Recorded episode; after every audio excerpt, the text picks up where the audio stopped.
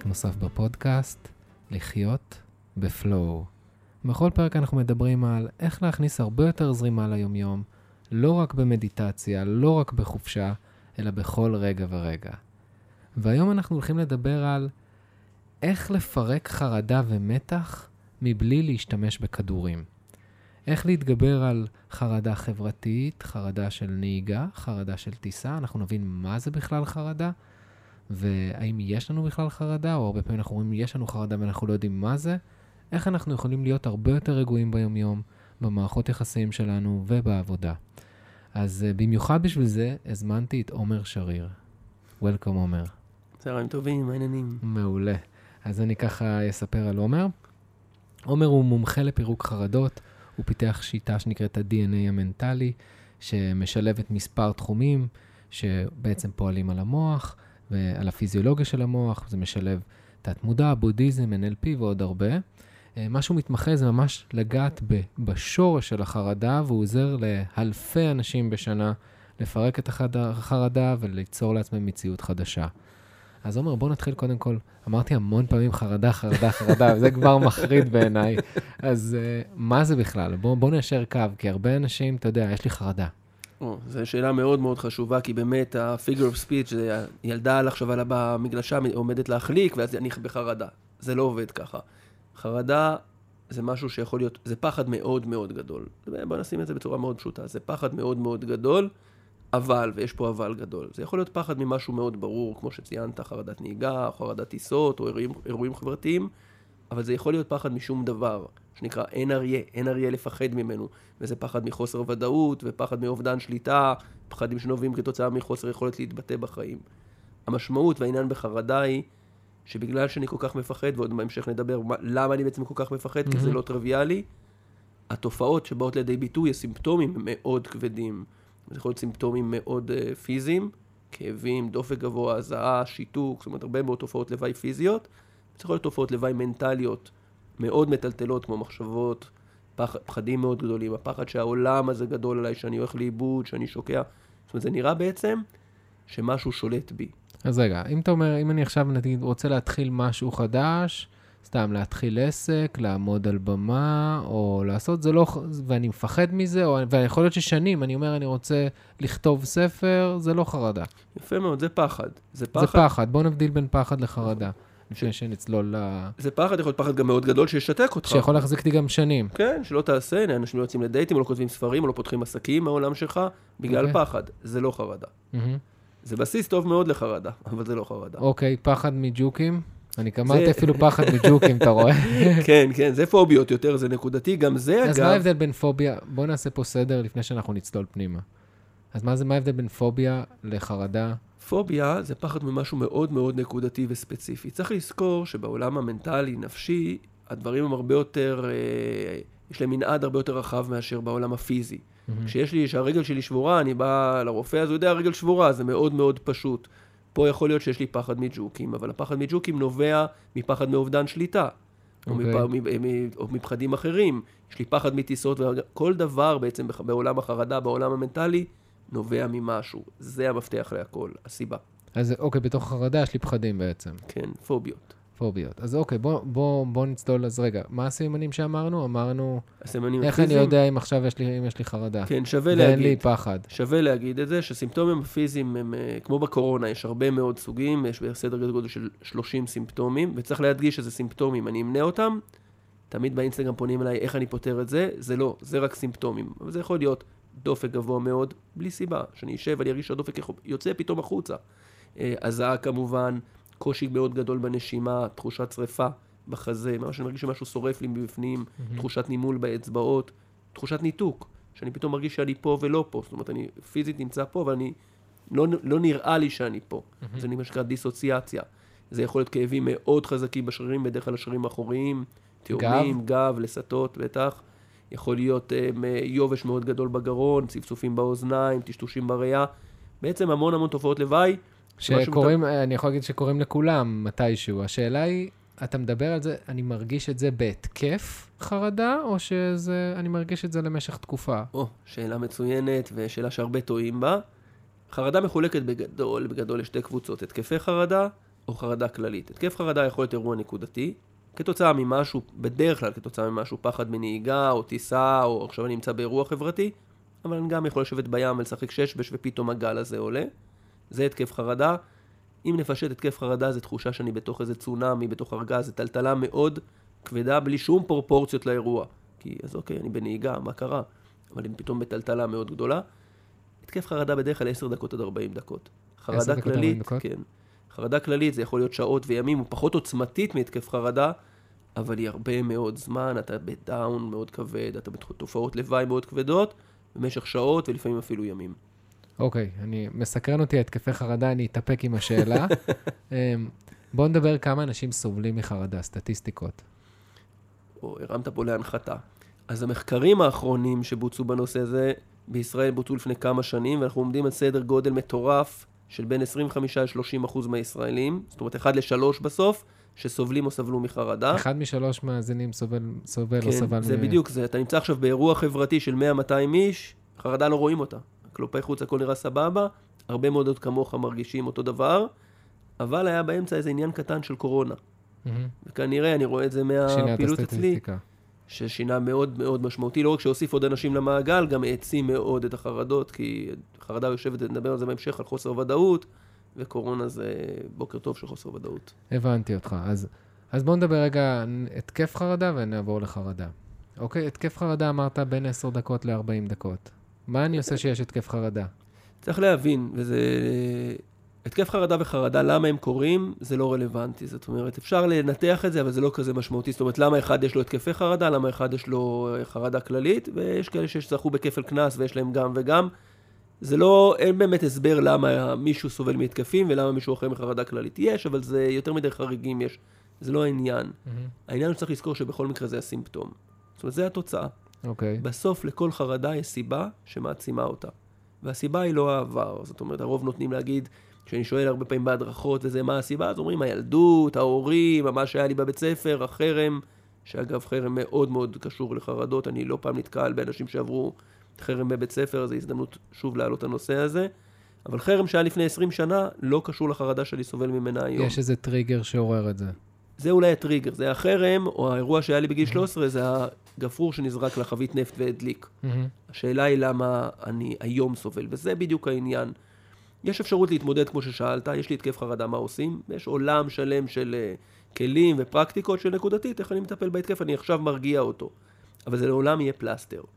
זה לעולם יהיה פלסטר. בואו נדבר אבל קודם איך אני מרגיע את ההתקף, ואז נדבר על השורש. כי עכשיו מישהו בהתקף חרדה, דרך אגב, אם אני קם באמצע הלילה, אם אני קם בבוקר באי שקט ובגוף תפוס, חר... התקף חרדה או חרדה? זה, חר... זה יושב על החרדה כללית, וזה הרבה פעמים קורה שאני קם בבוקר ויש לי over מחשבות. זאת אומרת, הגוף שלי תפוס, אני בסטרס בעצם, הרי הכל זה סטרס. כן. הגוף שלי תפוס, מחשבות שרצות מאוד, זה שיושב בחרדה כללית. מהמם. אבל התיוגים האלה, התוויות, וזה אגב גם מאוד מאוד קשור לעולם החרדה, תוויות שייך למוח אוטומטי, שייך לפחדים שלנו, פחות רלוונטי. זאת אומרת, מה זה משנה אם, אני, אם זה זה או זה? אם זה התקף או זה או זה. לא, סתם אני מנסה, כן. אני מנסה פשוט ליישר קו, כי הכל, כל דבר זה חרדה, אתה מבין למה אני מתכוון? אז... אגב, וגם זה מעניין מה שאמרת, שמעתי אחד הפודקאסטים פודקאסטים שדיברת על זה, אני חרדתית וחרדה. זאת אומרת, זה לא אותו דבר. יכול כן. בן אדם חרדתי, שוב ביטוי, אבל לא תהיה לו חרדה בכלל, הוא רק נורא... חושש מה. יקרה, מה יהיה. ומצד שני מגיעים להם לפעמים אנשים שהם מנכ"לים, סמנכ"לים, אנשי צבא מאוד בכירים, שאתה רואה חרדתי והם אין סיכוי, מהמם. ועדיין סובלים מחרדות מאוד גדולות. כן, הרבה אנשים לוקחים כל מיני כדורים וכאלה להרגיע את עצמם. זה, הרי מו- זה כאילו, לוקחים את זה כמו מסטיקים כבר, מחלקים את זה כאילו... זה המסטיקים של המבוגרים, בוא נגיד ככה. לא?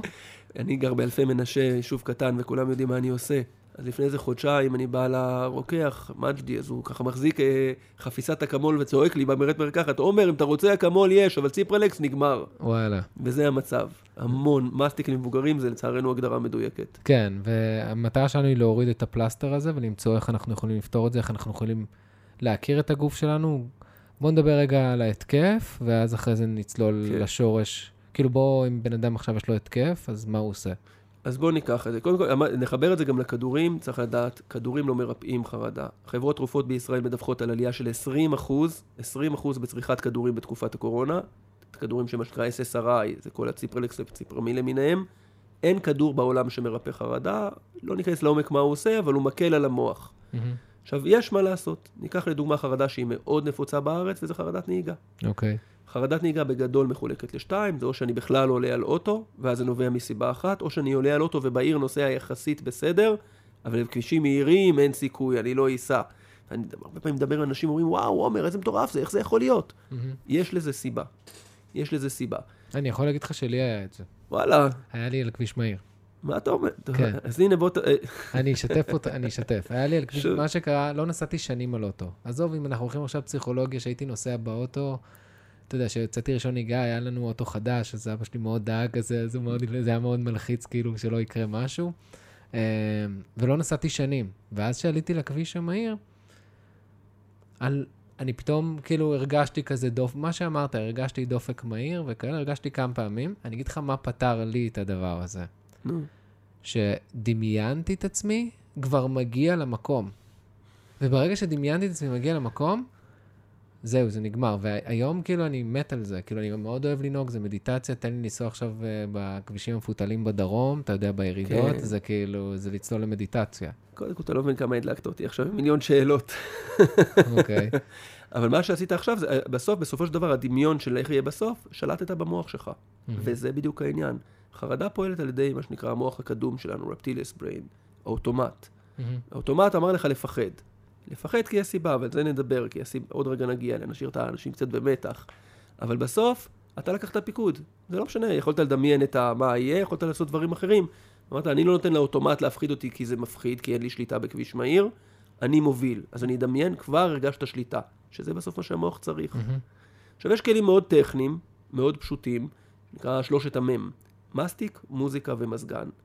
הרי בסוף, בחרדה, נניח נכ- נכנסתי עכשיו לאוטו, מתחיל להרגיש את הדופק, מתחיל להרגיש את הסימפטומים, זה עולה כזה מלמטה למעלה בדרך כלל, משהו כן. מרגיש לי לא טוב, אני מרגיש, ואז זה יכול גם להתפוצץ, ויכול להגיע לסיטואציה שאני נעצר ואני לא יכול להמשיך לנסוע, שאגב, יש הרבה מאוד אנשים שיש להם מנוי במה שנקרא בחדר מיון או אצל רופא, כי הולכים, כי הסימפטומים מאוד פיזיים, זה פסיכוסומטי, הולכים לרופא כדי לוודא שאין להם משהו פיזי, כי הם בטוחים שזה פיזי, וזה לא, זה פסיכוסומטי. שלושת המם נועדו בדיוק לזה, ליצור, ליצור לך הסחת דעת מאוד מהירה. מסטיק יוצר תנועה, שזה משחרר את הלסת. בדיוק. לא רק זה, גם משהו ב mind, שאתה לועס מסטיק, אז אני לא במלחמה. זה כמו לא ש... זה כמו שאתה מדבר. אם אתה תדבר חזק, אז אתה יותר חזק מה mind. נכון מאוד. או בגלל זה שצועקים וזה, זה כאילו יותר חזק מה mind וזה מרגיע. אתה מסטיק- שולט. כן, אז מסטיק, אוקיי, הפתעת אותי עם המסטיק. בוא נגיד, אוקיי, מסטיק מוזיקה זה, זה ברור.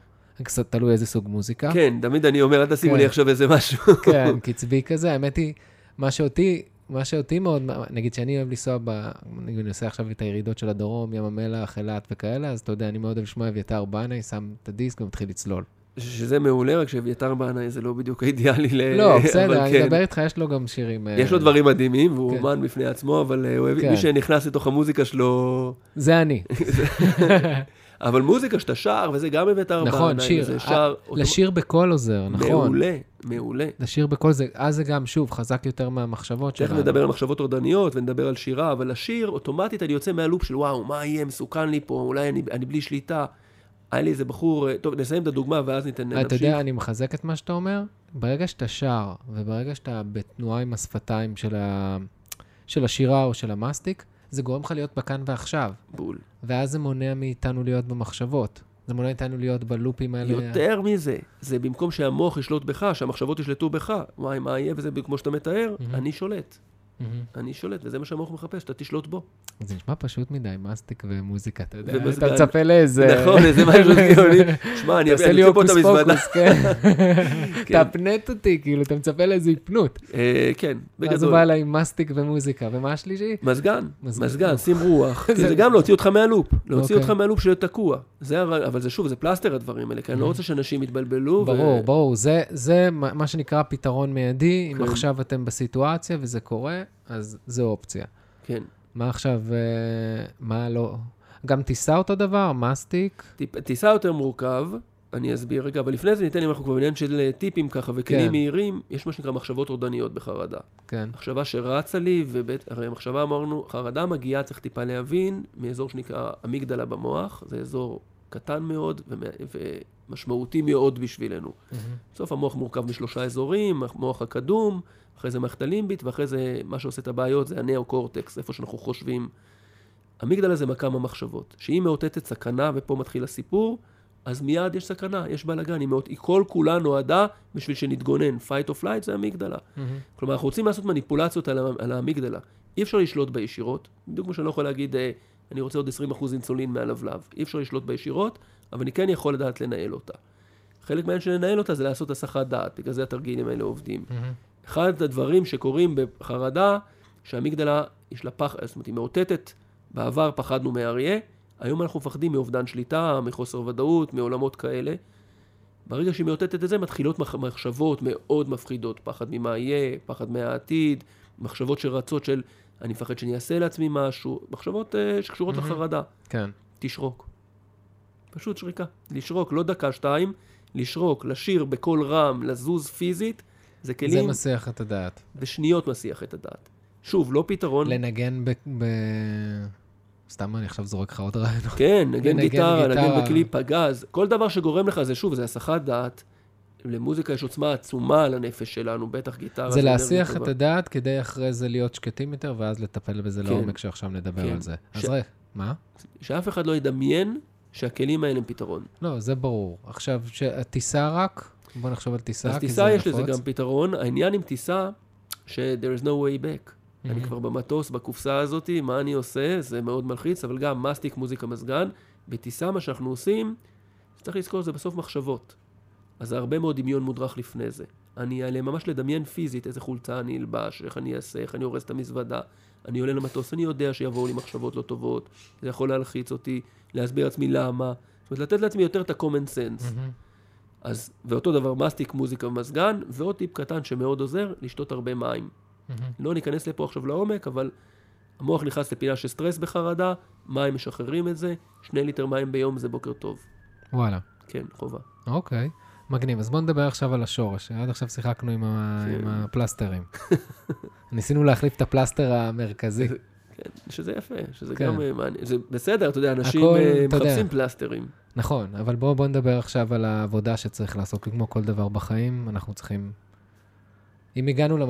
אני חושב ש... בואו נתחיל בזה. אני רואה חרדה, בכלל, כל בעיה שיש לנו עם הגוף, אם יש לי עכשיו כאבי גב או משהו, זה איתות של הגוף, חביבי, תתחיל להשקיע פה זמן.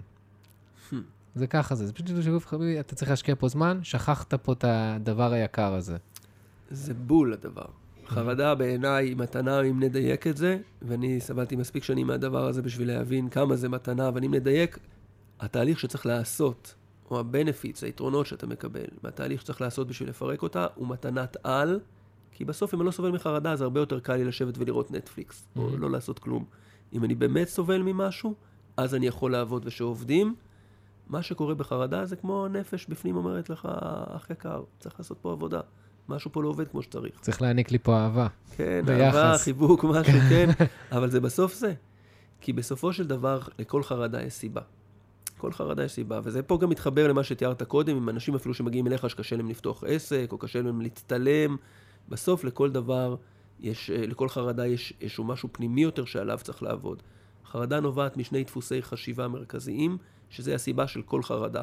זה לא משנה איזה סוג חרדה, ומגיעים אליי- אנשים שלא מסוגלים לצאת מהבית עם חרדות, שהסיבות, הסימפטומים הפיזיים מאוד קשים, זה לא משנה.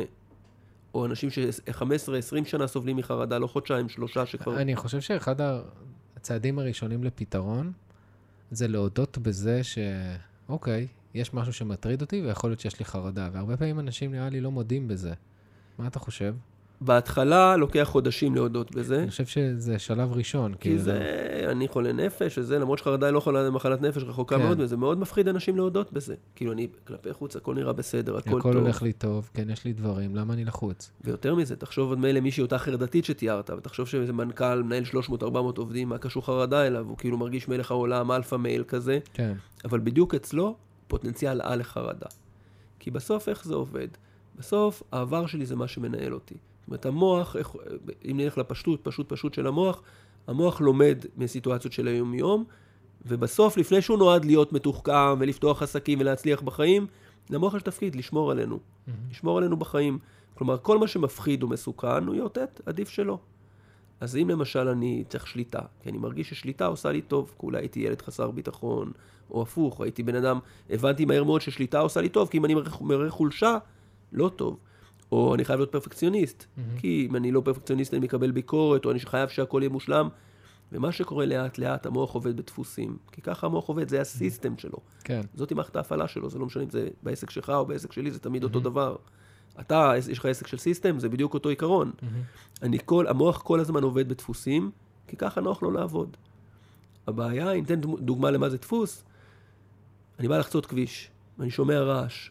אני יודע מלבד שזה רעש של אופנוע, אני מחכה 20-30 שניות ואני אעבור, אני לא מתחיל לחשוב.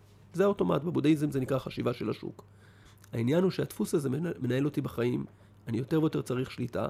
למה? כי אני מפחד מאובדן שליטה. כי אני מפחד שדברים לא יהיו כמו שאני רוצה. כי אני מפחד מה יהיה אם דברים לא יהיו כמו שאני רוצה. כן. ואז מתחיל פרפקציוניזם, צורך בוודאות, פחד ממה יהיה, מחשבות על העתיד, קושי בקבלת החלטות. מה עם המשפחה, בני זוג? כל דבר. ברגע שיש דפוס... למה, אני, למה אין לי בני זוג? למה, מה יהיה עם העבודה? בדיוק. ברגע שיש דפוס, כי יש שני דפוסים מרכזיים בחרדה, או צורך בשליטה או חוסר ביטחון. ובשני המקרים פחד, או סיטואציה שהאוטומט, המחשבות האוטומטיות מנהלות אותי. עכשיו, כשתסתכל על דפוס, הוא מנהל אותך בהכל. מה עם העבודה? למה לא מצליח בזוגיות? למה לא יוצא לדייט? Mm-hmm. אני יושב עכשיו בדייט ואני מפחד מאובדן שליטה, אני נורא נורא צריך לד... שליטה, אז אני חייב שהדברים יהיו כמו שאני רוצה. אז פתאום היא אומרת בוא נלך לשם ולא לשם, אני בלחץ. כלומר, הדפוסים זה מה שמנהל אותי בכלל, לא רק בחרדה. ופה המפתח. אז איך, אה, מה עושים עכשיו? אוקיי, יש דפוסים, ו? השלב הראשון... לזהות. של... זה לזהות, קודם כל. השלב הראשון, אגב, כמו שאמרת, זה קודם כל להגיד אני סובל מחרדה. כן, זה השלב הראשון. השלב השני להתחיל אה, לזהות אה, מה הדפוס. אין כזה דבר להתחיל תהליך של פירוק חרדה, בלי שאני מבין מה הדפוס שמנהל אותי. Mm-hmm. זה חובה, כי אחרת זה, שוב, שלושת המ"ם או דברים כאלה. זה יכול להיות גם הסביבה. כלומר? שזה, שהסביבה מכניסה אותי, הסביב, הסביבה הלחוצה יכולה להכניס לחרדה. כאילו, יש, אנחנו דיברנו פה על דפוס, וגם הסביבה מעוררת דפוסים בעצם. ככלל, כל, נדבר בנפרד על לחץ. לחץ וחרדה, מה שנקרא, לחץ זה תשתית עצומה לחרדה. ככל שרמת הסטרס שלי גבוהה יותר, ככה פוטנציאל לחרדה ולתקפי חרדה גדול יותר. אבל בלי קשר, אם עכשיו יש לי דפוס של חוסר ביטחון, מה שקורה, גם זה הסיפור שלי בעצם, אני הגעתי לכל העולם הזה, לכיף הזה של חרדה מחוסר ביטחון.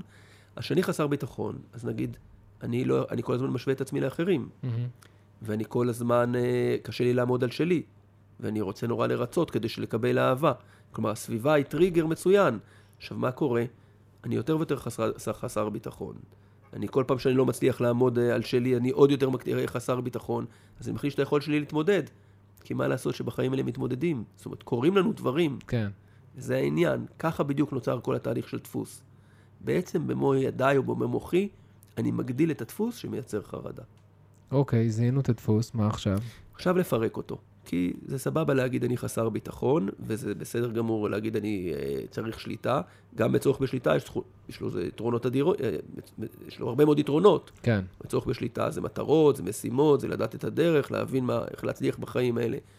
אבל אחרי זה זה כותרת.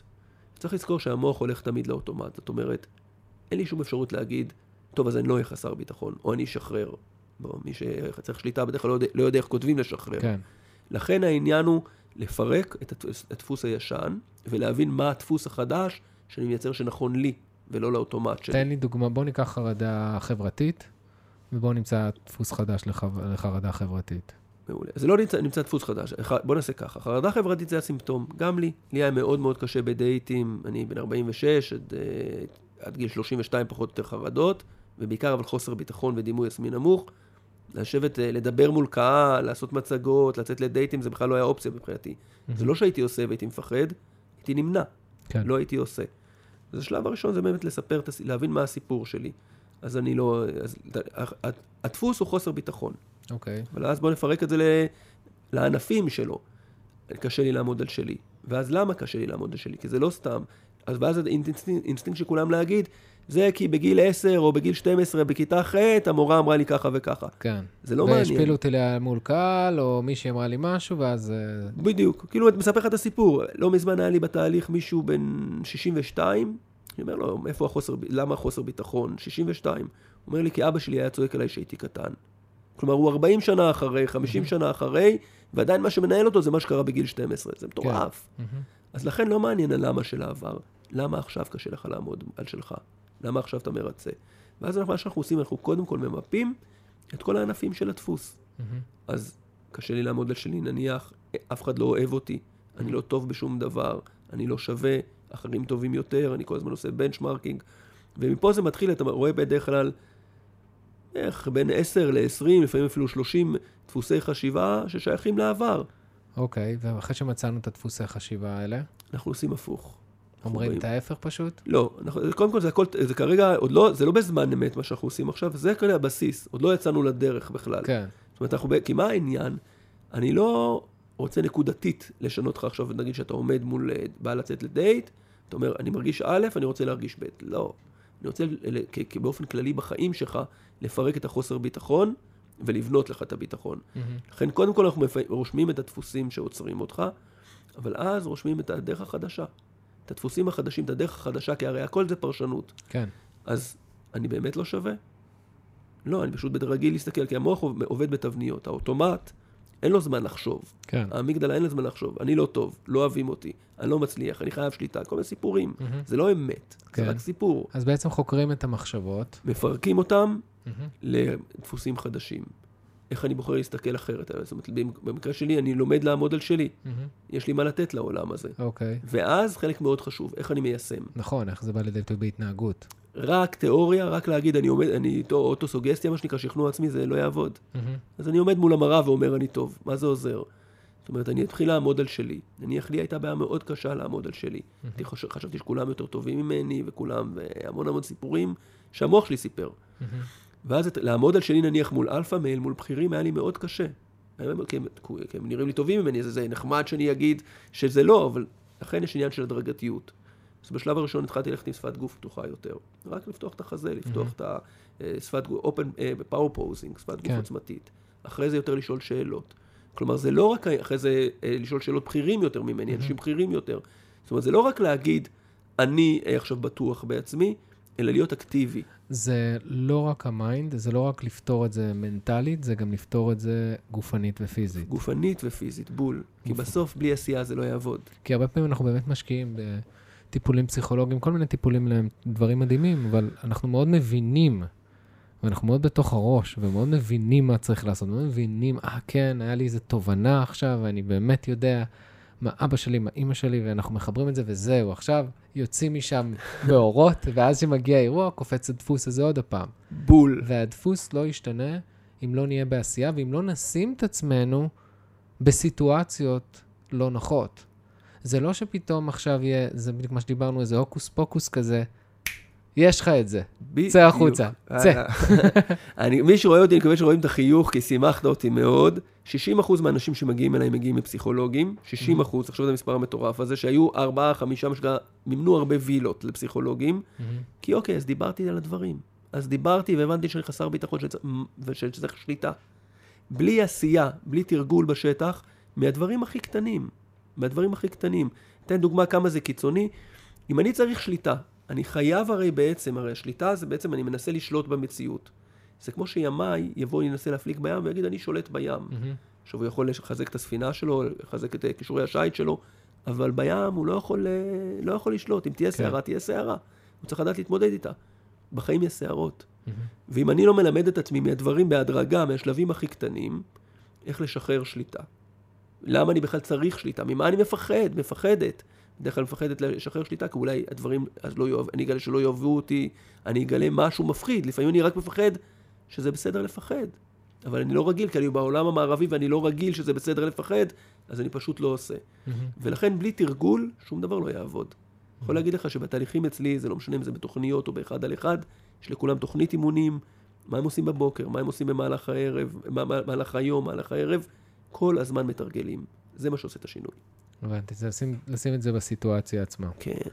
אוקיי, אני אגיד לך מטאפורה מאוד יפה ש... שקראתי בספר, שעל מחשבות.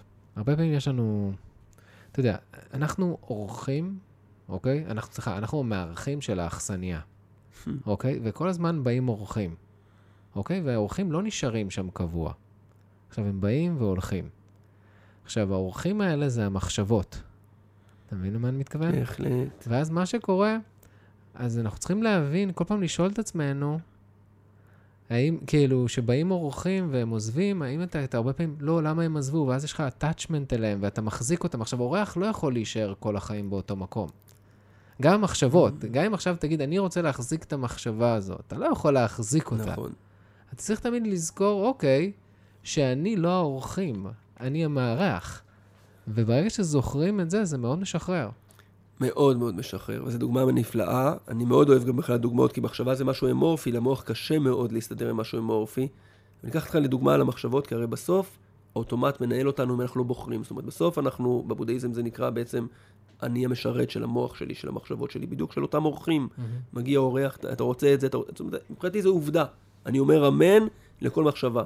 עכשיו, אם לחשוב על זה, זה מה זה לא נכון. אבל זה לא, אני עומדת מול המראה, אני לא נראית טוב. מי, מי, מי, את אולי חושב שאת לא נראית טוב, זה לא עובדה.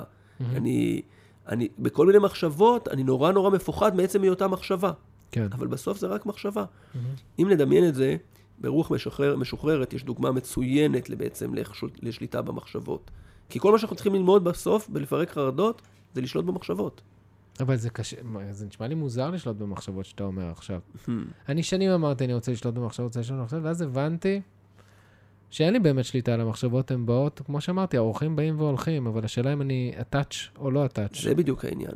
כאילו, אני לא יכול לשלוט איזה מחשבה תיכנס לי לראש, כי אם אני עכשיו אראה איזה משהו, יכול לקפוץ לי איזה טריגר מהעבר, או אני אצפה בטלוויזיה, ואז שתי דקות אחרי זה אני אחשוב על זה, שבגלל זה יש הרבה מתח, כי צופים הרבה בחדשות, ואז פתאום זה נכנס לך, ואתה רואה את זה פתאום ברחוב, ביום-יום שלך. אז אני לא יכול לשלוט במחשבה שלי, אני יכול, מה שנקרא, לתת לזה לחלוף ולהבין שזה...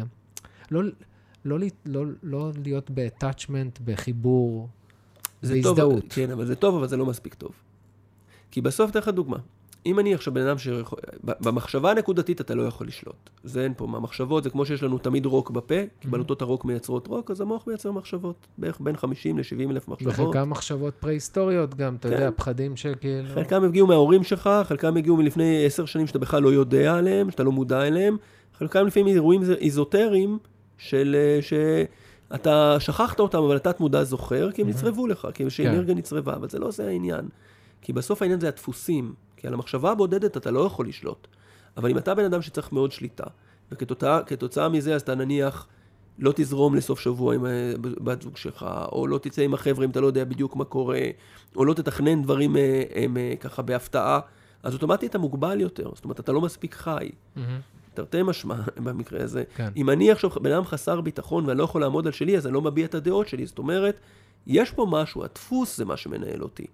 הדפוס של השליטה או של החוסר ביטחון, ועל זה יש לי שליטה. על הדפוס. בטח. על ה... אוקיי, להתבונן ב... במחס... אוקיי, זה להתבונן במחשבה שחוזרת. מה זה דפוס? זו מחשבה שחוזרת. כן, המחשבה שהפכה להיות כבר אוטומטית. זאת אומרת, אם אני יש לי דפוס עכשיו, לדוגמה, שאני רואה רק שלילי, או הרבה מאוד שלילי, אוקיי, אז בוא נגיד, זה יותר, אני מנסה לדייק את זה לעצמי, כן?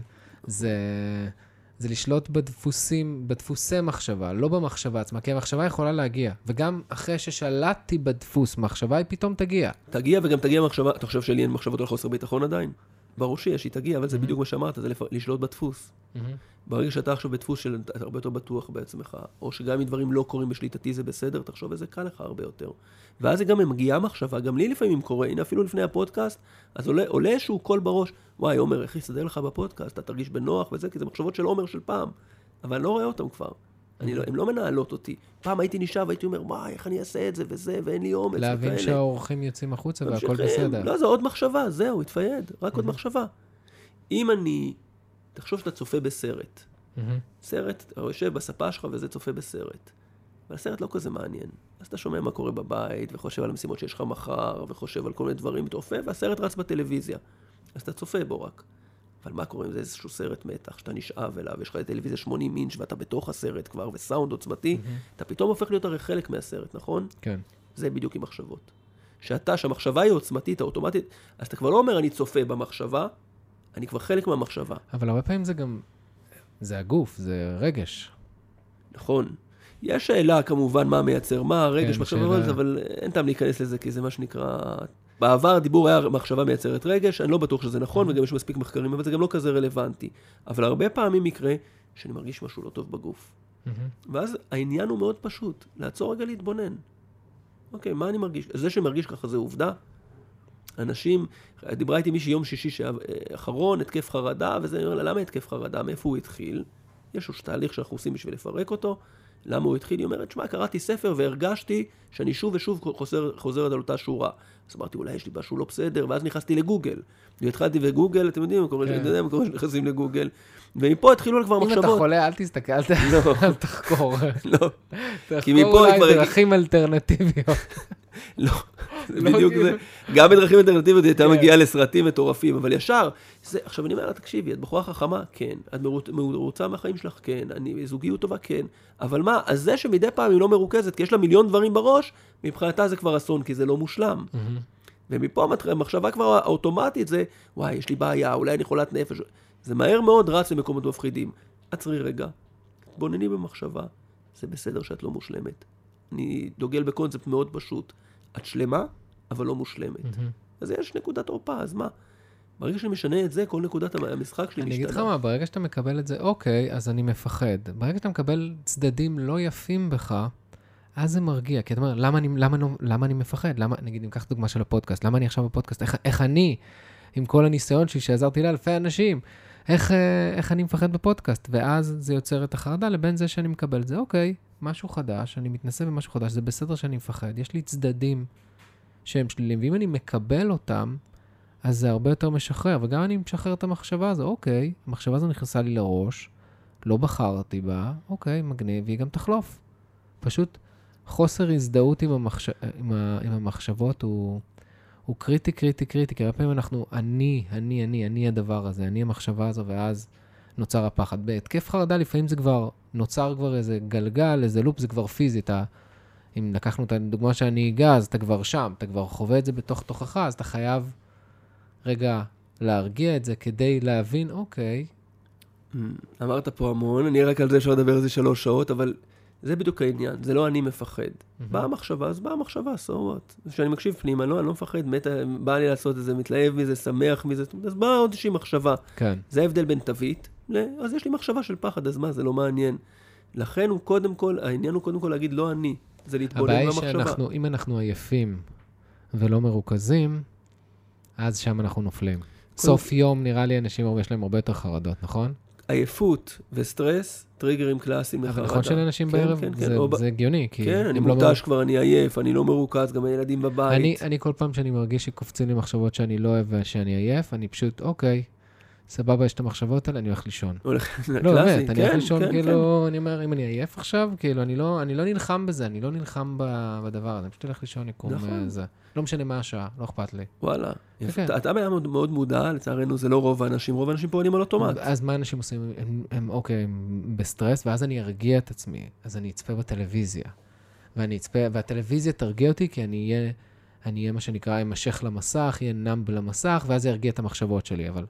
האמת היא שהטלוויזיה מכניסה הרבה לחץ, אם זה נכון. חדשות זה ברור, זה חסר היגיון. זה מחוץ לתחום. כן, זה כאילו חסר היגיון לצפות בחדשות ולהרגיש רגוע, אוקיי? אמ, אבל גם כשאתה רואה סרט פעולה, זה יוצר לך מתח מסוים, או סרט אלים. לכאורה זה נראה לך, אוקיי, טוב, אני כבר רגיל לראות סרטים אלימים.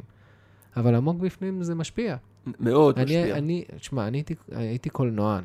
מכיר פריימים, מכיר הכל, בימאים, כל סרט שאתה רוצה ברמות פסיכיות. וואלה. היום אני לא יכול לראות סרט אלים. אתה יודע, זה כאילו... כי עשית עבודה, הבנת את המחיר של זה. כי אני אומר, כאילו, זה לא עושה לי טוב. זה נשמע כזה הכי... נשמע הכי כאילו... הכי מחבק עצים. כן, מחבק עצים לגמרי, אבל לא, אתה יודע, אני יכול לראות עכשיו אמ, סדרת פעולה שעשויה טוב וזה, אבל אני לא, אני לא אוהב לראות את זה בלילה, וכאילו, ממש מאוחר בלילה, ללכת לישון עם הדבר הזה, וזה אנרגטי. אני פשוט מרגיש את זה. אז אם אתה אומר את זה, שווה שנעבור על עשה ואל תעשה. יאללה. צריך לזכור שאם זה התקף חרדה, אז כל מה שדיברנו עד עכשיו הוא לא... זאת אומרת, בהתקף חרדה יש כלים מאוד ספציפיים, כי בהתקף חרדה אני לא חושב עכשיו, המגדלה פועלת חזק, המוח במוד קרב, fight or flight, הוא לא במקום של, אה, בוא נתבונן רגע במחשבה ונגיד משהו אחר. זה לא ככה. זה גם אפשרי, אבל זה הרבה יותר מורכב, לכן אנחנו משתמשים בכלים מאוד פרקטיים להתקף חרדה. אבל בלי קשר לזה, בוודאי שנוריד את רמת הסטרס. עוד, או אפילו נגיד מילה לפני זה, העניין הוא, כמו שאמרת, כשמגיעה לי מחשבה שאני עייף, אז אני אלך לישון. העניין הוא שבשביל לפרק חרדה צריך להבין שזה אורח חיים. זה לא משהו נקודתי שיש התקף חרדה, זה לא איזה פלסטר. מהמם. נקודתית, זאת אומרת, אנחנו כל הזמן עובדים, כל מי שנמצא איתי בתהליכים עובדים על אורח חיים, לא רק רגוע יותר, מהמם. אלא איך כל הזמן, בדיוק כמו חדר כושר, או בדיוק כמו בדברים אחרים, לימודים, אני לומד לשלוט במוח שלי, לשלוט במחשבות. מהמם. וזה לא נקודתית, זה דרך. אז בוא נדבר על אורח חיים. מה הדבר חיים, הראשון? או לפני זה אולי שווה שנגיד, עשה ואל תעשה. יאללה, בוא נעשה סבב, אל תעשה ואני ארשום לי. כן. שזה גם בעצם קשור לאורח חיים. קודם כל, בהקשר, אנחנו רוצים הרי להוריד סטרס. אז בוודאי, ואמרת, אני גם לא רואה חדשות, שום צורה של חדשות, אולי ynet פעם ב, אבל בטח לא חדשות. גם אם להגיד שאנשים אומרים, מה, אבל זה בסך הכל חדשות. אה, אתה צריך חיים." להתחבר, אתה צריך לדעת מה קורה איתך, מה קורה עם העולם. אני זוכר את אבא שלי לפני ש- 20 שנה רואה חדשות, בגדול אותו קונספט. כן. לא, לא השתנו הרבה דברים. כן. בגדול אותו קונספט, ממש לא, זה עושה רע, בטח לא ההתראות האלה של וואי- וואי- וואלה, ynet בטלפון, רע מאוד, רע מאוד. הרבה מים כבר אמרנו קודם, כי מים עוזרים למוח לשחרר סטרס, המוח, המוח עובד הרבה יותר טוב עם מים. קצת, אבל בכלל, בהחלט, בכלל במה שקשור לתזונה, לא משקאות, מש, משקאות ממותקים. אני לא נכנס פה? לפן הבריאותי, אוקיי. אבל למה לא משקאות ממותקים? כי זה ממריץ. והמוח גם ככה עובד ב full gas, אוקיי. בסטרס. אז אתה לא רוצה לא קולה, zero, יש אה. בגלל זה גם תה מרגיע וכאלה, אומרים שתה כן. תה, כאילו... תה הוא טריקי. למה? כי אם זה תה לא תה צמחים, אז יש בו קפאין. קפאין, כן, ברור. ואז תה וקפה מחוץ לתחום. תה ירוק. תה ירוק פגז. כן, אוקיי. אמ, עוד, אז אמרנו, סודה? סודה אין בעיה בכלל. אוקיי. להפך, זה מים וזה בסדר גמור, וזה... סודה לשתייה היא בסדר אני גמור. מנסה לפתוח פה עוד אופציות, אתה יודע. כן, תן לי איזה משהו, תן לי כן, איזה משהו. הרגת אותי. אבל לא, אבל כמובן, לשוקולדים, מתוקים, דברים כאלה, עדיף לצמצם. עדיף אה, לצמצם. כן. כי זה בדיוק ה... זה בדיוק ההפך, זה מה שעושים. אם אני עכשיו לחוץ, אז אני אוכל שוקולד. נותן פיק של אה, סוכר, אבל נכון. מהר מאוד הוא יורד בגלל הצריכה של אה, פחמות פשוטות, וזה מאוד, זה מבלבל את המוח שגם ככה עובד קשה. שגם אוקיי. ככה עובד קשה. ואז זה מעצים את זה עוד יותר? כן. זה, זה, זה, זה מוציא את המוח מאיזון, ואנחנו רוצים הומוסטזיס, אנחנו רוצים כל הזמן להיכנס לאיזון, כמו שיש לנו הומוסטזיס, הומוסטזיס זה שאיפה לאיזון. אז כמו שיש פיזי, יש גם מנטלי. אנחנו רוצים לשמור על איזון, על רוגע, בלי יותר מדי טלטלות במערכת. ואז בגלל שנופל הסוכר, אז אני רוצה עוד סוכר כדי לחזור לחזרה לאיזון שלי, כן. כן. אה, ספורט, חובה, חובה, חובה. צריך לזכור שחרדה יושבת על סטרס. סטרס זה בעצם ההתכווצות של הגוף, זה הרבה מאוד, זה תמהיל מטורף של הורמונים שנכנסנו לו לתוך הגוף. אם אני חיה, איילה, אז אני בורח מאריה, ובזה אני משחרר את כל הבלגן הזה. לא, גם תחשוב חיות, אתה רואה כל הזמן כלבים וחתולים, אתה יודע, כל התנוחות כן. יוגה, כן. כלב אה, מביט מטה וכאלה, זה, כל המטאפורות האלה, זה כלבים וחתולים עושים את זה כל היום. כי הם יודעים לחיות. תראה את הכלבים שלנו, וזה רגועים, רובם רגועים יותר. עזוב, בכלל, אנחנו כל היום מצומ... בדיוק חשבתי על זה אתמול, שאנשים הולכים כל הזמן, גם, גם אני פתאום שמתי לב לזה המון, כי פתאום אני עכשיו שוב- שובר את הדפוס הזה, של כל הזמן עם הראש קדימה. אתה מבין? כל הזמן הולכים כן, ולא בסיס- מסתכלים כלום, ותקועים בתוך הראש. הגוף לא מחובר. יפה. הגוף לא, ה- החיבור, עזוב הגוף לא מחובר, אתה לא בתוך הסיטואציה, אתה לא, לא משתמש בגוף שלך כמו שהוא נועד, כמו להסתובב, אבל זה גם לא אינסטינקטיבי. אתה לא, אתה לא חש מה שקורה מסביב, אלא אתה בתוך המחשבות שלך. אני מסתכל עכשיו על אנשים, כולם הולכים ישר כזה, עם הראש כזה, שפו, קצת שפופים בוא נגיד, אבל הם לא אינסטינקטיביים וחייתיים. אתה מבין למה אני מתכוון? מה זה מבין? יש לי, חסרת לי אנשים בצוות, אתה מוזמן. הדבר הראשון שעושים בהתמודדות עם התקף חרדה, הדבר הראשון זה קום, תזוז. זה בדיוק, אוקיי. זה צא מהלוף שאתה נכנס אליו, אל תהיה מקובע. מהמם. עצם העובדה פיזית, השינוי הפיזי ישפיע גם על שינוי המחשבה. קום, זוז שמאלה, ימינה, מהמם. אוטומטית זה מוציא מהלופ. אבל אוקיי. בשביל זה צריך את זה גם ביומיום, בדיוק כמו שאתה אומר. שב, תסתכל, אתה הולך ברחוב, יש תרגיל אה, שעושים אה, נזירים באשרם, תרגיל מגניב לגמרי. ובסוף אשרם זה דבר מאוד מאוד פשוט, אין בו כאילו עם מה לתרגל יותר מדי. אז הדיבור הוא שאתה הולך למקלחת, כל פעם באותה הליכה, באותו מסלול שאתה עושה אותו מאות או אלפי פעמים, תחפש משהו חדש. אוקיי. תחפש- באותה הליכה למקלחת. ואז המוח, אני מסתכל שמאלה, מסתכל ימינה, מחפש פרח חדש. זה לגרום. להיות בכאן ועכשיו, זה לגרום בדיוק. להיות, כי אם עכשיו חיה הולכת ב... ברח... ב... ברחוב. ברחוב כן. רחוב זה לא, לא. אבל אם הולכת עכשיו בסוואנה, כן. או בג'ונגל, היא אינסטינקטיבית, היא כל הזמן בחיפוש, למרות שהיא מכירה כל פיסה ופיסה שם. אנחנו כאילו, אוקיי, לנו יש גול uh, אוריינטד, כאילו יש לנו את המטרה שלנו ואנחנו בתוך הראש, ואני צריך לעשות את זה, ואני צריך לעשות את זה, ואני צריך להספיק לזה, ואז אנחנו בכלל הולכים בחוסר מודעות. וזה גם יוצר את הסטרס הזה. ואז יוצר את ההתכווצות הזאת בצוואר, שאז אנחנו תופסים את עצמנו פתאום בול. עומדים רגע ומכווצים את הצוואר, ולא מבינים למה אנחנו עושים את זה שהגוף חכם ומתחיל להרגיע אותנו. הגוף מאותת לך, ואתה כ- כעולם המערבי, מפחד, כאילו, מפ... למה אני מרגיש שאני הולך אולי לרופא, לא מקשיב לאיתותים. מהמם. בכלל, אגב, דיברת קודם על פחד, תדבר עם מישהו בודהיסטי, הוא יגיד לך, תביא לי את הפחד. פחד זה דבר טוב, כי הוא מצביע על נקודת התורפה שלי. מהמם. הרי אם אני אתמודד עם זה, אם אני אבין למה אני מפחד, אני אצמח יותר. אבל פה בעולם המערבי, קושי, אז אני אקח ישר כדור. כי יש את הקטע של הנוחות. ברור. אתה רוצה שזה יהיה, אתה רוצה שהחיים יהיו נוחים, ואז אתה רוצה פחות לעבוד ופחות להשקיע, ופחות, מה אני צריך את המודעות הזאת עכשיו? זה מאוד נחמד, שיש לי אה, יותר כסף, שעון מגניב, מכונית יותר מגניבה, זה כאילו יותר נוח, אבל זה לא עושה שום דבר פנימה. מהמם. וזה מאוד נוח כביכול, אבל Mhm. באמת העבודה הפנימית, העושר הפנימי, וסליחה פה על זה, אבל זה באמת העבודה, ההתבוננות פנימה, הדיבור עם עצמי, זה, אין כזה עושר יותר גדול מזה. כי בסוף זה, אנחנו פה, אנחנו באנו בשביל לעשות איזה משהו, לא צריך עכשיו לבנות איזה משהו ענקי, ליצור, תהיה אתה, תלמוד להיות אתה. יש מטאפורה מאוד יפה של, של אה, דג, דג שכאילו שואל, איך, אה, הוא שמע על האוקיינוס, איך אני מגיע לאוקיינוס? ואז הוא הולך והוא מבקר עוד דג, ואז הדג עושה לו, דג בודהיסטי, אומר לו, אתה צריך לעשות ככה וככה, ואז הוא הולך לדג אחר שאומר לו ככה וככה.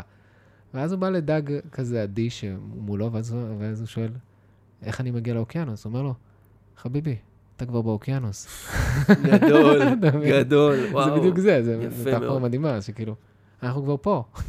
זה הרגע. זה זה, זה גם אנחנו פה, גם הכל נמצא בתוכנו, אין פה את החיפוש של הדרך הזה, רק פשוט צריך להתבונן פנימה ולהיכנס פנימה, שכל מה שהבודהיזם עושה, הוא פשוט תעצום את העיניים ותיכנס פנימה, ואל תסתכל החוצה בגירויים החיצוניים, אם זה כדורים, אם זה טלוויזיה, או אם זה ספורט אפילו. קודם כל, תתבונן פנימה, ואני חושב שזה גם, זה גם החופשה האולטימטיבית. גם אתמול הייתה לי שיחה עם חבר על זה, שמה שמדל... כאילו, מה שהוא רוצה זה, אני פשוט עושה עוד מעט ויפאסנה עשרה ימים, ואז הוא אומר, בואנה, גם אני רוצה, כאילו, זה, זה החופשה האולטימטיבית. לא רוצה לטוס לחו"ל, רוצה לעשות עשרה ימים. ואיש זר לא יבין זאת, לא. מבין? לא יבין לא. זאת, זה, נשמע שני הזויים, אבל בשיחה, מי רוצה עכשיו להיות בשדה תעופה עם דרכונים? אני לא. לא? ויפאסנה, כן. כן, אז אה, כאילו עם דרכונים ולזה, מי רוצה את הדבר הזה? תן לי להיות עכשיו עם עצמי בשקט, בלי טלפונים, בלי כלום. מה זה, זה, זה אני ממליץ לאנשים להתחיל לנסות. אתה יודע מה קורה? אנשים עושים מדיטציה שתי דקות, ואז אומרים, וואי, זה קשה, זה כואב, זה לא... זה... אבל המוח שלהם מתפוצץ, כאילו, כי בפעם ראשונה שעושים מדיטציה, כל המוח מתחיל לרוץ, ואז הם לא יכולים, כאילו, ואז לא, זה לא בשבילי. אתה מבין למה אני מתכוון? ברור, אני היום בבוקר סיימתי בערך איזה שעה וארבעים אה, יוגה, עשיתי לפני זה אין יוגה, לא נסבך את הזה, ואחרי זה שווה שזה סוג של מדיטציה, ויצאתי עם כזה אושר, כאילו, כל פעם אמרת והרמתי את היד, כי ה- להיות עם עצמך, בהיבט של, אם, אה, אם זה שווסנה, או אם זה em, סוג של מדיטציה ויש אינסוף סוגים, או להיות, להיכנס לשקט פנימי של עשרה ימים, זה עוצמתי ברמה בלתי רגילה, רוב האנשים מעדיפים לא לעשות את זה ולברוח מזה. ואת, ושם אתה גם יכול להתבונן ולראות, זה, זה המקום לשבור את הדפוסים, כי שם צפים לך כל הדפוסים. עזוב לשבור, יותר גדול מזה. בסוף יש 365 ימים, כי אמרת קודם את הכאן ועכשיו, ואני לא בטוח כן. שכולם מכירים, למרות שכנראה מי ששומע את הפודקאסט הזה קצת יותר מכיר, אבל 365 יום, אבל יש לנו רק יום אחד שאנחנו יכולים להשפיע, וזה היום. רק, רק בעצם יש לי השפעה על הרגע הזה, מה היה כבר עבר, מה יהיה, זה רק מפחיד אותי בדרך כן. כלל. על העכשיו, על להתבונן פנימה, לשאול איזה חי, איזה עומר אני רוצה להיות. פה זה מתחיל ופה זה נגמר. כן, וזו שאלה שמפחידה הרבה אנשים. מפחידה, כי מעדיפים אה, לטאטא, מעדיפים, אתה יודע כמה אנשים מגיעים אליי שבאמת, בסופו של דבר, שמסתכלים פנימה, עזוב חרדה, וזה חלק מהמתנות, שאומרים, אני לא באמת יודע מי אני. אני רגיל להיות במסכה, בסוג של אגו, איזה פוזה כלפי חוץ, אבל בפנימה, אני לא יודע מי אני. היום עשיתי תהליך עם מישהי שהיא כדורסלנית אה, מאוד אה, מפורסמת בעולם. היא אומרת לי, תשמע, אומר, עד שנפגשתי איתך, לא ידעתי שבכלל היה דיבור, דיבור, אני רגילה דיבור פנימי של ספורט, אבל דיבור פנימי של מי אני ומי אני מה בוחרת להיות. שלומי ומה כן, אני אני מרגיש. לא, אני רגילה, מגיל וינגייט מגיל 12, מה שלומי זה איזה אימון אני עושה לעשות, זהו. מהמם, אני הולכת לעשות, לא להסתכל פנימה. מהמם. ממה אני מפחדת, למה אני, היא ספורטאית, ספורט וחרדות מאוד חזק, למה אני צריכה שליטה? מה אני מפחדת אם אני לא אהיה בשליטה? תחשוב איזה צורך זה, שאם מגיל 12 מלמדים אותה הרי להיות ספורטאית מצטיינת, כמה היא צריכה שליטה בחיים שלה. כי להיות בסוף מצוינת, לקלוע על הסל, לעשות את האימונים שלה, השליטה מנהלת אותה. מהמם. וזה קצת ההומור של היקום. כי מישהו שהוא כל כך כל כך צריך שליטה, אז אני חייב שהדברים יהיו כמו שאני רוצה, בדרך שאני רוצה בסוף, הוא הכי נשלט שיש. כן, כי אם אני מחפש משהו, אז כנראה שאין לי. לגמרי. לגמרי, לגמרי. בוא נדבר על אורח חיים, התחלנו לדבר על אורח חיים. כן. מה עם תזונה? דיברנו קצת על סוכר, אבל בוא נדבר על תזונה. תזונה באופן כללי, תזונה, זה, זה, עולה, זה פודקאסט בפני עצמו שאפשר לדבר עליו. אני לא נכנס פה לנושא הבריאות, אבל... מה הדבר, יודע מה, מה הדבר הראשון שאני עושה אם יש לי חרדה. חוזר? ח, ח, זה בהתקף חרדה. שלושה עקרונות. שלושה עקרונות לאורח חיים, תעשה ספורט, מהמם. כל סוג של ספורט, דיברנו קצת על יוגה, אתה עושה, גם אני עושה, אבל כל סוג של ספורט, כל עוד הוא לא תחרותי, כי אז הוא מכניס ללחץ, אני מרתוניסט, אז זה מאוד עוזר לי, וזה עזר לי. יש לי בערך פצועה, היא כבר לא רוצה לרוץ מרתונים. כן. היא בחרדה. היא בחרדה. בוא נגיד שהפיזיותרפיסט שלי בחרדה. כן, הוא אמר לי, אומר, תחליט, או מדרגות או מרתונים, מה אתה מעדיף? כי זה ביחד לא ילך. כן. אז לא זה. אז כמובן ספורט זה חובה. מדיטציה, אני ממליץ בחום. מדיטציה לא שייך, אני מאוד אוהב את הודו, הייתי הרבה פעמים בהודו, אבל זה לא שייך דווקא לעולם המערבי כבר. להפך, לנזיר בהימאליה, או באיזשהו אשרם בהודו, הרבה יותר קל לעשות מדיטציה מאיתנו. כאילו פתאום להתנתק אפילו, כמו שאמרת, שתי דקות, מאוד קשה. חובה מדיטציה, קל מאוד ללמוד איך לעשות, זה פשוט. ספורט חובה, מים חובה ושינה. שינה, אם אני אשן מעט, אבל אני לא מצליח להירדם, מה אתה אומר לי שינה? נו, יש לי חרדה, מה שינה? יש המון המון כלים לשינה, אבל אפילו ברמה הבסיסית, של אם אני לא מצליח להירדם, מה אנשים עושים שלא מצליחים להירדם? טלוויזיה. טלוויזיה או טלפון, אוכל. נכון? או אוכל, נכון מאוד. לא, אפילו ברמה הבסיסית. להחזיק טלפון לפני השינה, טלפון יש לו מה שנקרא אנרגיה כחולה, אנרגיה כן. כחולה מפריע למוח להיכנס לתדר דלתא, מה שנקרא, למוד שינה. מהמם. אז אפילו ברמה הזאת. אוקיי, העפנו. טלפון, אבל עדיין לא מצליח להירדם. אז אה, יש מה שנקרא, אני אתן פה קצת תרגילים. מגניבים. מזגן, מסטיק אני לא יכול לא ללעוס. ומה תעשה? תרגיל מוזיקה. מוזיקה, אפשר לשמוע מוזיקה באמת, אה, מרגיעה. מוזיקה של תדר אחד, איך זה נקרא? יש, תלוי איזה תדר אתה, לאיזה vibe אתה נמצא. כן, אבל מוזיקת מדיטציות כאלה עוזר? תלוי אם אתה, לא, תלוי אם אתה מתחבר גם לז'אנר. אני לא, לא, דו, לא תמיד, אני אגיד לך למה. כי בטח מי שסובל מחרדה מתחילות המחשבות. כן. ואז, ואז זה הסיבה שקשה להירדם, כי אני חושב. מהמם. עכשיו שוב, אני לא בעד הסחת דעת, אני כל פעם מדגיש את זה, כי הרעיון הוא לפרק את השורש, כי אנחנו לא רוצים לפרק, לפחד מהמחשבות שלנו, כן. אנחנו רוצים לשלוט בהן. אבל כרגע אני רוצה להירדם, כי אני לא יכול לפרק את זה בעייפות הזאת. ספור מאפס עד, אה, מ- מאלף עד אפס אחורה. אני עכשיו רק אה, חושב... עכשיו, אבל עכשיו אתה תראה את הקטע, הטוויסט, הטוויסט לא, זה- בעלילה, זה מו- זה שובר לך את הדפוס. תעשה טוויסט בעלילה, תעשה את זה בקפיצות של שבע. אוקיי, מאלף עד אפס אחורה בקפיצות של שבע. אוקיי, ואז מה זה זה גורם? הסחת דעת, אתה צריך למוח מכל מיני אוקיי, סיבות. אבל אז אז זה יחזור, לא? פה אנחנו מדברים רק על להירדם. אוקיי. פה אנחנו מדברים על הירדמות, אז אני סופר אז מאלף. אתה אומר אלף כבשים. להוריד שבע, זה יותר... איזה כבשה הזאת שחורה כן. לבד. כל ההתעסקות הזאת היא בזה, אתה מתעסק בכבשים, כן, אתה יכול גם לדמיין את הכבשים לצורך העניין, את המספרים, את הספרות, כן. ואז אתה לגמרי בתוך הלופ הזה, אז אתה לא בלופ של המחשבות.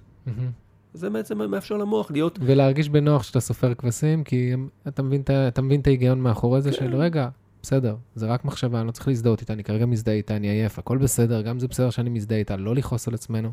טוב, בוא נשחק עם המוח, בוא נשחק עם כבשים, נספור כבשים, בדיוק, וניתן לזה לקרות, וגם, אוי, זה מגוחך לספור כבשים, מה אני עכשיו. סופר? אוי, ש... אני לא יודע, מתמטיקה, קופץ לי שבע, ואז נכנסים לעוד מחשבות. אז. באה המחשבה, זה בדיוק כן, העניין. בדיוק, ואז באיזשהו שלב, אוקיי, באיזשהו שלב, אה, תוך כדי עצימת עיניים, ואז באיזשהו שלב לתת לגוף לעשות את שלו. אה, וכמובן נשימות גם מאוד עוזר. תרגילי נשימה, אם יש איזה איבר מתוח, אם יש איזה איבר מתוח, זה א' ב' של אה, יוגה, וש... לא רק של יוגה, של כל מתיחה, נשימה. של כל ספורט. נשימה זה קריטי, קריטי, קריטי, וגם ללמוד את זה. זה...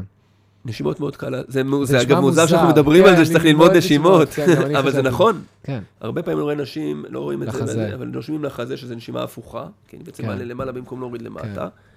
לא, נ- ושוב, לא נשימות רק בסוף היום. מהמם. כמו שאנשים, אני עושה, אני מצחצח שיניים, אני מתקלח, אני גם נושם. ארבע, כן. חמש פעמים ביום, לדקה, תעצור וגם לנשום. לשים לב, אם יש איבר מסוים שכואב לנו, אם זה בטן או יד, או לא משנה מה, יש סיבה שזה כואב, וגם לנשום לכיוון הזה, לקחת שנייה את העצירה הזאת שאנחנו לא לוקחים ביום-יום, אה, ולכבד, להקשיב לגוף שלנו, כי הגוף מדבר איתנו. נכון, אני רק אגיד פה, אגב, תראה איזה דבר מוזר, מי שמעשן סיגריות, לא שזה זה דבר רע, כן? אבל בסוף הוא עוצר איזה עשר פעמים ביום לנשימה, שבן אדם כן. ממוצע רגיל לא עושה את זה, איזה הזוי כן. זה. אבל בהקשר של חרדה מאוד צריך להיזהר מלשאול למה. כי נכון, כי אם כואבת לי הבטן, אם אני אשאל למה, לפעמים זה רק הרבה יותר ללחיץ. לא, אני לא אמרתי למה הפוך, אני אמרתי, לא דיברתי על למה בכלל, אמרתי לנשום לבטן. כן, כן. רק לי, לא לשאול, בכלל פה למה, יש פה לנשום לבטן, לנשום. לאותו איבר שכואב, זה כמו במתיחה, למה, למה מתוח לי עכשיו? למה השריר שלי מתכווץ? אני לא יודע, סביר איך ישבתי כל היום, סביר איך מיליון ואחת דברים, אבל עכשיו זה כואב, אז אני צריך לנשום להרגיע את זה כדי להעמיק את המתיחה. כן, בדיוק. שלם לא מושלם. זה. מתוח לי לשריר. מה זה למה? כי אני עובד, כי אני חי. לגמרי, לגמרי, לגמרי. תקשיב, יש לי, אה, הזמן טס פה ויש לי פינה קבועה. איזה ציטוט היית שם על המקרר שמסכם את כל הפודקאסט הזה? איזה Mm. סטיקר שהייתי שם על המקרר בזמן שאתה חושב? אז אתה- הייתי... יש הייתי- לך כבר? כן, ברור. יאללה, תגיד ואז אני אגיד את שלי, כי אני רוצה להגיד לא, את תן שלי. את הראשון. לא, אה, אז אני לא לתת את זה בשפת המקור, כי זה יפנית, תן, זה מגניב. אבל לא, אז אני ביפנית, נראה אה, לך. ככה אוקיי. אני יותר מהעבודות ביפן, אני זוכר איך מדברים, אבל זה באמת ציטוט של משורר יפני מאוד מפורסם, סופר יפני מאוד מפורסם. גם חילזון יכול להגיע לפסגת ההר, פשוט לאט. וזה העניין, אנחנו לא צריכים למהר לשום מקום. צעד צעד אנחנו נגיע. לא למהר, אבל לעשות. מגניב, אחלה של משפט. אה, אני אגיד לך מה שלי. אה, אל תאמין לדברים שאתה אומר לעצמך, שאתה עצוב ולבד. בכלל אל תאמין לדברים שלך. טוב. שאתה עצוב ולבד זה חזק, זה- ראיתי את זה. זה משפט לא ידוע כזה, אתה יודע, ששמים אותו בפינטרסט, סתם ראיתי את זה, כן. זה מגניב רצח. נכון, לא לה- וזה דווקא כשאתה עצוב ולבד, יש לך הכי נטייה להאמין נכון, לכמה אתה זה. הכי, אז אל תאמין לעצמך, זה הזמן, אוקיי, תשחרר את זה, לך לישון, ספור כבשים, תעשה ספורט. ו... תתבונן, תתבונן כן, במחשבה. זה לא- לגמרי. זה לא עובדה. לגמרי, לגמרי. אז עומר, איך, אה, איך אפשר ליצור איתך קשר? מי שרוצה באהבה מוזמן, מוזמן להיכנס אליי או לאינסטגרם או ליוטיוב, או עומר שריר. אז עומר, ממש ממש תודה רבה לך, היה תענוג. אה, לא היה חרדתי. לא אמר, אמרנו הרבה חרדה, אבל. כן.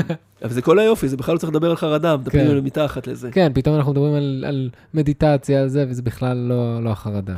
בדיוק, תראה איזה מגניב, תראה מה חרדה. נותנת לנו. לגמרי. אז תודה רבה לך, ואני רוצה להודות לכם, ואני מקווה שלקחתם פה הרבה דברים, ואני שואל אתכם, מה נראה לך אנשים ייקחו? מעניין מה... מה... אז אתה צריך לשמוע בתגובות. כן? א', אתם מוזמנים לכתוב לנו באינסטגרם, אמ, לתייג היי שגיא באינסטגרם, מה לקחתם, ומעניין איזה דבר הכי ייקחו, אם לקחו את המאסטיק, את ה... זה בדרך כלל, הקולות. הטיפים, כן, אתה יודע, בסוף אתה לוקח. את הקוויק. כל עוד מישהו. לקח משהו, אני כן. עף על זה. לגמרי. אז אני רוצה להודות לכם שהאזנתם. אתם מוזמנים לשתף חברים שלכם, בני משפחה, שסובלים מחרדה, או שחושבים שהם בחרדה, ככה, לפתוח להם את הראש, מה המצב שלהם. אה, אני מאחל לכם המשך יום נפלא, מלא עם הרבה נשימות והרבה התבוננות אה, של עדים, מה שנקרא, מבחוץ על המחשבות ועל הגוף שלכם. אה, וכמו שאנחנו מסיימים כל פרק, May the flow be with you. צ'או חברים.